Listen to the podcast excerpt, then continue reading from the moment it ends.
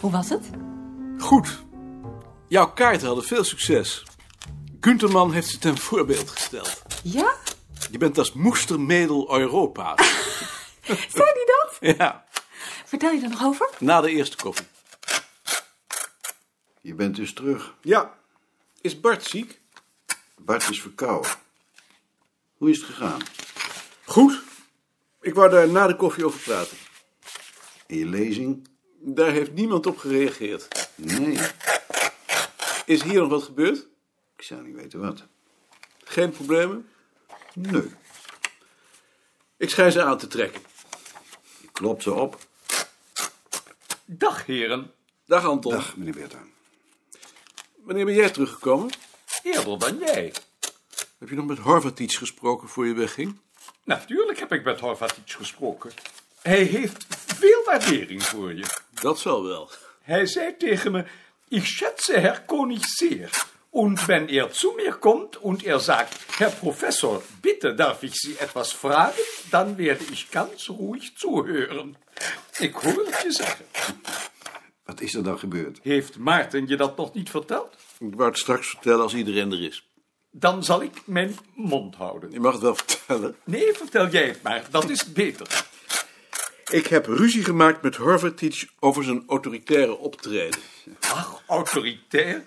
Het is iemand uit het Oostblok. Die zijn het nu eenmaal wat anders gewend.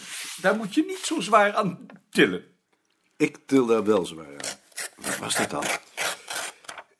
Ik heb gezegd dat de opvattingen van het bestuur een afspiegeling moeten zijn van de opvattingen van de medewerkers. Nu Gunterman in het bestuur zit, z- zijn ze dat ook wel. Ach, kunt de man die laat zich gewoon door Horvath de wet voorschrijven. Dan moet jij zien dat je ook in het bestuur komt. Daar denk ik niet over. Daar heb ik trouwens de kwaliteiten niet voor. Dat zit nog. Wat zijn dan volgens jou de opvattingen van de medewerkers? Dat weet ik niet. Maar ik vind het idioot dat ze nog altijd doen alsof die kaarten een afspiegeling zijn van een situatie die eeuwenlang zo geweest is. Als ze een geldigheid hebben van 30 jaar is dat veel. Kun je dat dan wel bewijzen? Nee, maar het is wel zo. Is gewoon omdat mensen graag willen dat er nooit iets verandert. Ik hou wel van verandering. Als de boeren maar hetzelfde blijven. Dat is ook zo wat. Ik hou trouwens helemaal niet van verandering. Iedere verandering is de pest. Voor mij mag alles blijven zoals het is. Wil jij die eens lezen? Sehr verehrter Herr Professor Horvatitsch, jetzt, da ich wieder zurück bin hinter meinem Schreibtisch und auf die vergangene Woche zurückblicke, fühle ich das Bedürfnis, Ihnen zu schreiben, wie sehr ich Ihnen schätze und wie wichtig ich Ihre wissenschaftliche Leitung für das Erfolg unseres Atlasses finde. Ich bin davon überzeugt, dass künftige Generationen Ihnen dankbar sein werden und Sie als einen großen Gelehrter ehren werden. Dass ich dennoch der Meinung bin, dass wir für unsere Nachfolger Plätze in unserem Vorstand einräumen müssen, ist wohl, weil ich mich als 75-Jährigen jeden Tag mehr von meiner Sterblichkeit bewusst werde und das Bedürfnis spüre, die schwere Verantwortlichkeiten, die die Führung unseres riesigen Unternehmens mit sich nimmt, zu übertragen. Ich bin davon überzeugt, dass Sie dafür Verständnis haben werden, auch wenn Sie selber noch auf dem Höhepunkt Ihrer geistlichen Kräfte sind. Wir sind alle sterbliche Menschen und für uns alle kommt der Augenblick, in dem wir die Zukunft in gutem Vertrauen der jüngeren Generationen in die Hände geben müssen. Eben deshalb habe ich den Großmut, mit dem Sie ungeachtet Ihrer Bedenkungen Professor Günthermann einen Platz in unserem Vorstand eingeräumt haben, sehr geschätzt. Und ich bin davon überzeugt, dass dieser Beschluss für die Zukunft unseres Atlases unter Ihrer Leitung von großer Bedeutung sein wird. Auch deshalb freue ich mich schon jetzt auf unsere künftige Zusammenkunft nächstes Jahr und ich wünsche Ihnen das Beste für Ihre Gesundheit. Mit herzlichen Grüßen. Ja, Anton P. Beerta. Ik heb de brief gelezen. Zo'n brief zou jij nooit schrijven. Ik zou het niet durven. Jij durft alles. Maar ik ben maar een klein mannetje.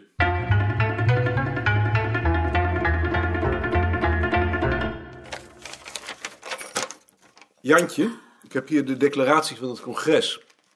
Je hebt succes gehad, hè? Hoe kom je daarbij? Van meneer Beerta. Hij heeft genoten, als je het mij vraagt.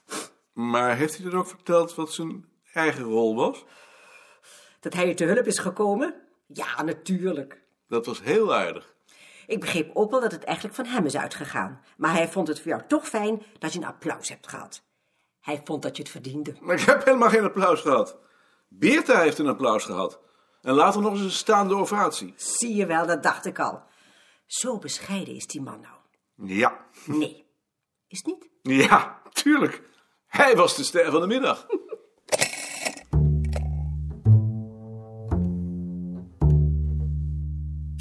Ga zitten. Ik hoor van Beerta dat er problemen zijn geweest. Dat wil zeggen, er is een discussie geweest. En daar heb jij een rol in gespeeld? Onder andere Waar ging dat over? over de grondslagen van de atlas. Welke grondslagen? Ze gaan er in de atlas van uit dat de verspreidingskaarten van omstreeks 1900 de situatie weergeven zoals die eeuwenlang geweest is. Ik geloof daar niet in en ik wilde daar discussie over. Maar Horvatic hield dat af en dat heb ik hem verweten. Heb je daar argumenten voor? Ik heb daarover een lezing gehouden. Over de wieg. Heb je die hier? Ik zal je hem brengen. Doe dat. Een kwartier later lag zijn lezing alweer op zijn bureau. Hij zou er niets meer over horen.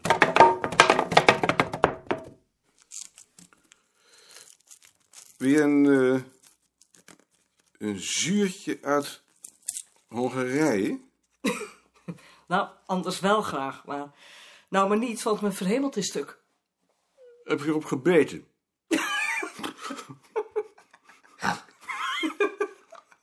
Schiet je op? Dat kan ik beter aan jou vragen. Nee, ik schiet niet op. Ik verveel me. Zeg eens wat ik daartegen doen moet. Dat moet je aan mij vragen. Ik denk dat het komt omdat ik anders met vakantie ben om deze tijd.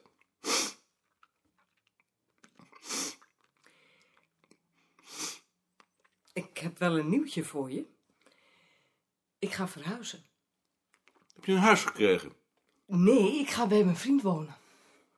Bij je vriend? Mijn vriend is priester. Dat lijkt me verdomd moeilijk. Ja, dat is het ook. Maar we hebben nu eindelijk de knoop doorgehakt. Dus dan heeft hij geen baan meer. Nee, hij blijft priester. Ik trek alleen gewoon bij hem in. Als een huishoudster. Waar is hij priester? In Overveen. In Overveen. Maar ik blijf wel werken, hoor.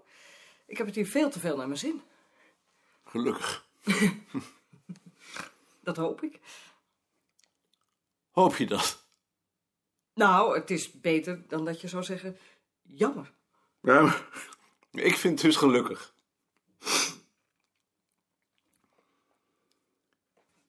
Maar ik wilde je nog wel wat vragen. Joost heeft van Jaring toestemming gekregen om s'avonds thuis te werken in ruil voor een paar extra vakantiedagen. Kan ik die ook niet krijgen? Om hoeveel dagen gaat het? Vijf? Ik vind het goed.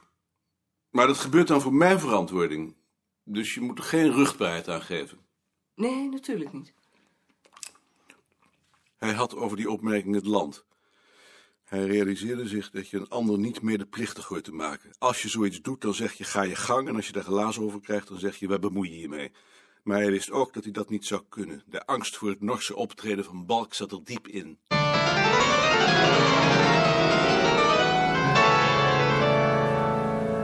Ha. Ha, Dag. je moeder is dood. Ja, dat is gebeurd. We hebben je vader een briefje gestuurd. Ja. Eh, willen jullie koffie? Graag. Ja, lekker.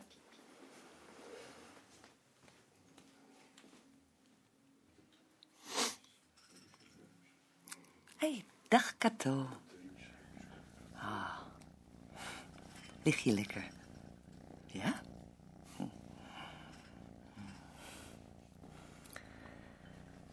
Hoe is het gegaan? Ja, Hoe gaat dat? Eh, Gewoon eigenlijk, geloof ik. Eh, Nog even mijn kopje pakken.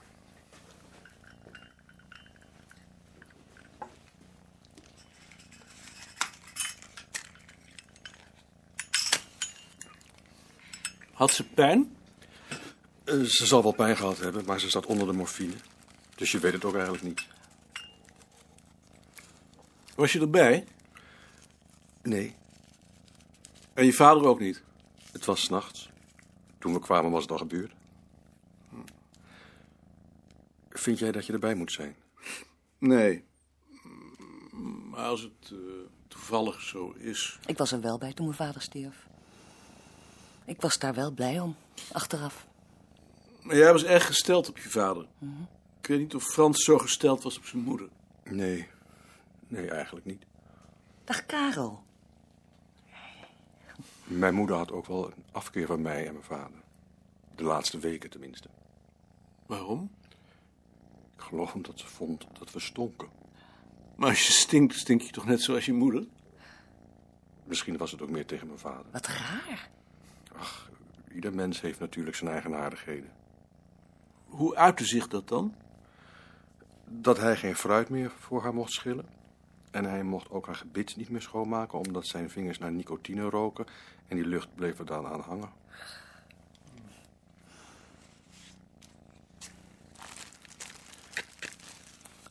Willen jullie nog een kop koffie? Jawel. Ik ook wel.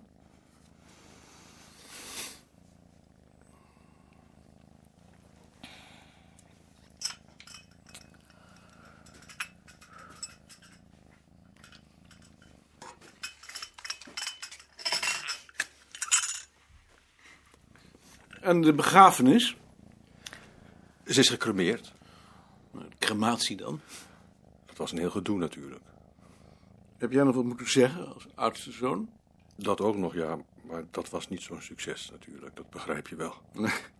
Begrijp ik. En dan wilde ze ook nog dat bij haar crematie het Onze Vader werd gebeden. Terwijl ze verder helemaal niet gelovig was. Maar hoe kun je nou bidden, geef ons heden ons dagelijks brood... als er iemand vlakbij in haar kist ligt? Dat kan toch eigenlijk niet? Dus dat heb je verdomd. Ik zou dat natuurlijk wel gedaan hebben, maar gelukkig was er een vriend van mijn vader... die katholiek is geweest en die wilde het wel doen. Met brood en al. Ja, maar dat komt voor zijn rekening. En jij? Ik heb bedankt, maar ik vond dat ik toch ook iets tegen mijn vader moest zeggen. Ja, want daar gaat het toch eigenlijk om. Natuurlijk. En toen heb ik gezegd: Vader, moeder is er niet meer, ga je mee. En toen wou ik met mijn vader de aula uitlopen, maar mijn vader dacht toen dat het me allemaal te veel was geworden. Dat heeft me een hele opschudding gegeven.